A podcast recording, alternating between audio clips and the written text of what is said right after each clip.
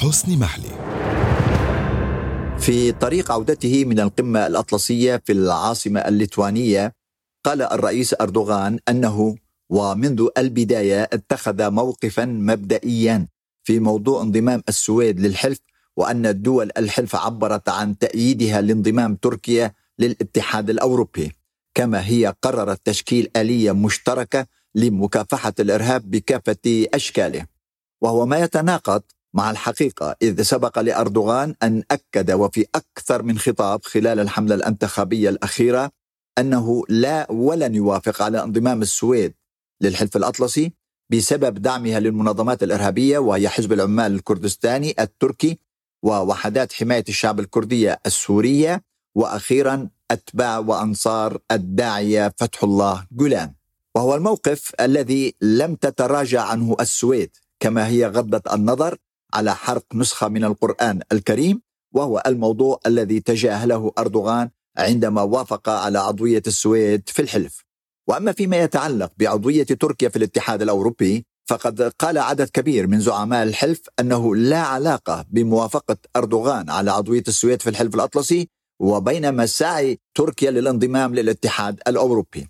وهو موضوع مؤجل ومجمد منذ ستين عاما. ودون أن يخطر على بال أحد أن الداعية فتح الله جولان المتهم بالمسؤولية عن محاولة الانقلاب الفاشل في تموز يوليو 2016 إنما هو مقيم في أمريكا وأن واشنطن والعديد من عواصم الحلف الأطلسي تقدم كافة أنواع الدعم السياسي والمالي والعسكري للميليشيات الكردية في شرق الفرات وهي الذراع السوري لحزب العمال الكردستاني التركي.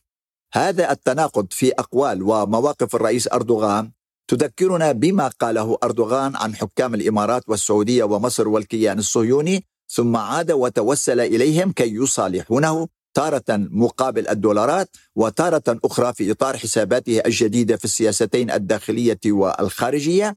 ولما لهذه الدول من دور وثقل مهم في هذه الحسابات وبانعكاساتها على علاقات أردوغان المحتملة مع صديقه الحميم الرئيس بوتين. فالمعلومات تتوقع مرحلة جديدة من الفتور وربما التوتر في العلاقات الروسية التركية خاصة بعد عدم التزام أنقرة بالاتفاقيات والتفاهمات التي وقعت عليها مع موسكو خلال اتفاقية الحبوب وتبادل الأسرى مع أوكرانيا وأخيرا تطوير التعاون العسكري بين أنقرة وكييف. وهو ما ينعكس وسينعكس على التفاهمات الروسية التركية في سوريا التي ستتأثر بشكل أو بآخر بالتقارب التركي الأمريكي الجديد والذي بدأ بموافقة أردوغان على انضمام السويد إلى الحلف واكتسب طابعا عمليا خلال اللقاء الثنائي بين أردوغان والرئيس بايدن.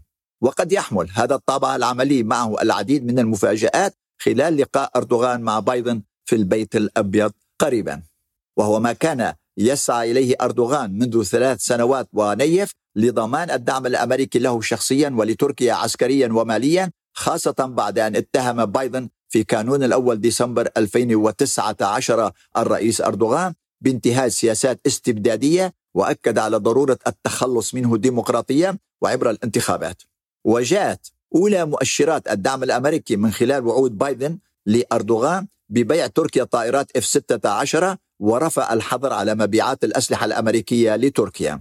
مع المعلومات التي تقول أن بايدن سيوصي صندوق النقد الدولي والبنك الدولي لإقراض تركيا حوالي 15 مليار دولار. فيما تتحدث مصادر أخرى عن تهديدات أمريكية مسبقة بالكشف عن خفايا الفساد الذي تورط فيه دوليا أي أردوغان ومعه نجله بلال وإذا لم يوافق على انضمام السويد للحلف الأطلسي. وفي جميع الحالات وايا كان سبب تراجع أردوغان عن موقفه الرافض لانضمام السويد ومع استمرار الغموض المخيم على رد الفعل الروسي المحتمل على مجمل هذه التطورات في المصالحة التركية مع الحلف الأطلسي وبتعليمات أمريكية مباشرة. فقد بات واضحا أن الرئيس أردوغان سيستمر في اتخاذ مثل هذه المواقف المتناقضة طالما أن أتباعه وأنصاره لا يبالون بمثل هذه التناقضات. ويصوتون له مهما فعل ومهما ارتكب من أخطاء في سياساته الداخلية والخارجية. وقد كلفت هذه الأخطاء والتناقضات تركيا الكثير والكثير ليس فقط سياسيا وامنيا بل أيضا اقتصاديا وماليا بعد أن أوصل أردوغان البلاد إلى حافة الإفلاس والدمار بكل المعطيات والمعايير والمقاييس الاقتصادية والاجتماعية والثقافية بل وحتى الأخلاقية والنفسية فالتناقضات في كل مكان وفي جميع المجالات وعلى كافة المستويات خارجيا وداخليا. فقد زادت على سبيل المثال نسب التضخم وزيادة الأسعار وغلاء المعيشة والضرائب المشحفه والبطالة بنسب خيالية. زادت عن 300% فيما اكتفى أردوغان بزيادة المرتبات بنسبة 50% فقط و0% للمتقاعدين وعددهم حوالي 14 مليون متقاعد. ونجح أردوغان في إقناع أتباعه بأن هذا الواقع الاقتصادي والمالي والاجتماعي المرير ليس مهما طالما أنه وتركيا مستهدفة من قبل الدول والقوى الإمبريالية والصهيونية ودون أن يتذكر هؤلاء أن أردوغان كان قبل أيام في جلسات ودية وحميمية مع زعماء هذه الدول في القمة الأطلسية الأخيرة. وهو الذي احتضن رئيس الكيان الصهيوني إسحاق هرزوغ الذي زاره في أنقرة في مارس أذار العام الماضي بعد أن التقى أردوغان قبل وبعد ذلك مع رؤساء الحكومة والوزراء الإسرائيليين في أنقرة ونيويورك وأكثر من مرة. وسط المعلومات التي تتوقع لرئيس وزراء الكيان الصهيوني نتنياهو أن يزور أنقرة وسط الشهر القادم مع التذكير هنا أيضا أن أردوغان سبق له أن وافق في الرابع من مايو أيار 2016 أي قبل سبع سنوات على انضمام الكيان الصهيوني إلى الحلف الأطلسي بصفة مراقب. ولحق بذلك إغلاق ملف سفينة مرمرة التي هاجمها الجيش الإسرائيلي في المياه الدولية وقتل عشرة من المواطنين الأتراك الذين كانوا على متنها في طريقهم إلى غزة. بالمقابل تبرعت تل أبيب مبلغ 20 مليون دولار لضحايا السفينة بعد أن أمر أردوغان بإلغاء كل الدعاوى المرفوعة ضد القيادات العسكرية الإسرائيلية في المحاكم التركية والدولية. الرئيس أردوغان الذي يستعد لزيارة الإمارات والسعودية وقطر في السابع عشر من الشهر الجاري وقبل عشرة أيام من زيارة السيسي إلى أنقرة في السابع والعشرين من تموز يوليو تراهن الأوساط الدبلوماسية على تكتيكاته المحتملة لتحقيق التوازن في علاقاته المستقبلية مع كل من الرئيسين بوتين وبايدن مع استمرار التصعيد الأمريكي والأطلسي في أوكرانيا ضد روسيا. وهذا سيزيد من أهمية تركيا في حسابات موسكو وواشنطن معا طالما أن لتركيا علاقات متشابكة مع الطرفين ولكنها في نهاية المطاف عضو في الحلف الأطلسي منذ سبعين عاما ويعرف الجميع انها اي تركيا لا ولن تخرج من هذا الحلف طالما للحلف عشرات القواعد العسكرية في تركيا ومعظم علاقات تركيا التجارية مع أوروبا والغرب أي الدول الأعضاء في الحلف أو الاتحاد الأوروبي. هذا بالطبع على الرغم من علاقات أردوغان المتشابكة مع روسيا العدو التقليدي لهذا الغرب الذي يراقب تناقضات أردوغان عن كثب ويسعى للاستفادة منها وفق حساباته الإقليمية والدولية وهدفها الرئيسي هو روسيا بتحالفاتها وعلاقاتها المتشابكة مع دول المنطقة واهمها سوريا وإيران والعراق وهي جميعا جارة لتركيا.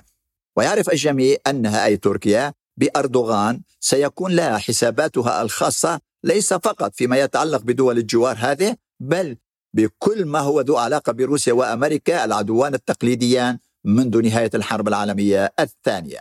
حيث تحولت تركيا آنذاك إلى خندق أمامي للدفاع عن المصالح الغربية ضد الخطر الشيوعي السوفيتي والمد القومي العربي ويبدو أنه ما زال كذلك حتى وإن اختلفت التسميات والأهداف الآن حيث يراهن أردوغان على دوره الرئيسي في مجمل الحسابات الإقليمية والدولية ومهما كانت تناقضاته والسبب الرئيسي في هذه التناقضات هو خطأه الاستراتيجي عندما اعتقد أن مشروع الشرق الأوسط الكبير ومن بعده ما يسمى بالربيع العربي سيساعده على إحياء ذكريات الخلافة والسلطنة العثمانية التي دغدغت مشاعر أنصاره وأتباعه في الداخل والخارج.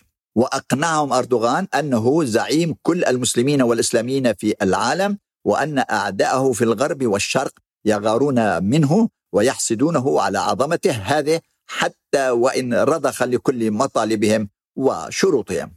ولم يؤثر ذلك على موقف أتباعه الذين يقولون أن أردوغان يعرف كيف يتعامل مع كل المعطيات بحنكة سياسية وذكاء ثاقب يعترف به العالم أجمع وفق كلام الإعلام الموالي ويصدقه أتباع أردوغان ومهما كذب هذا الإعلام أو بالغ.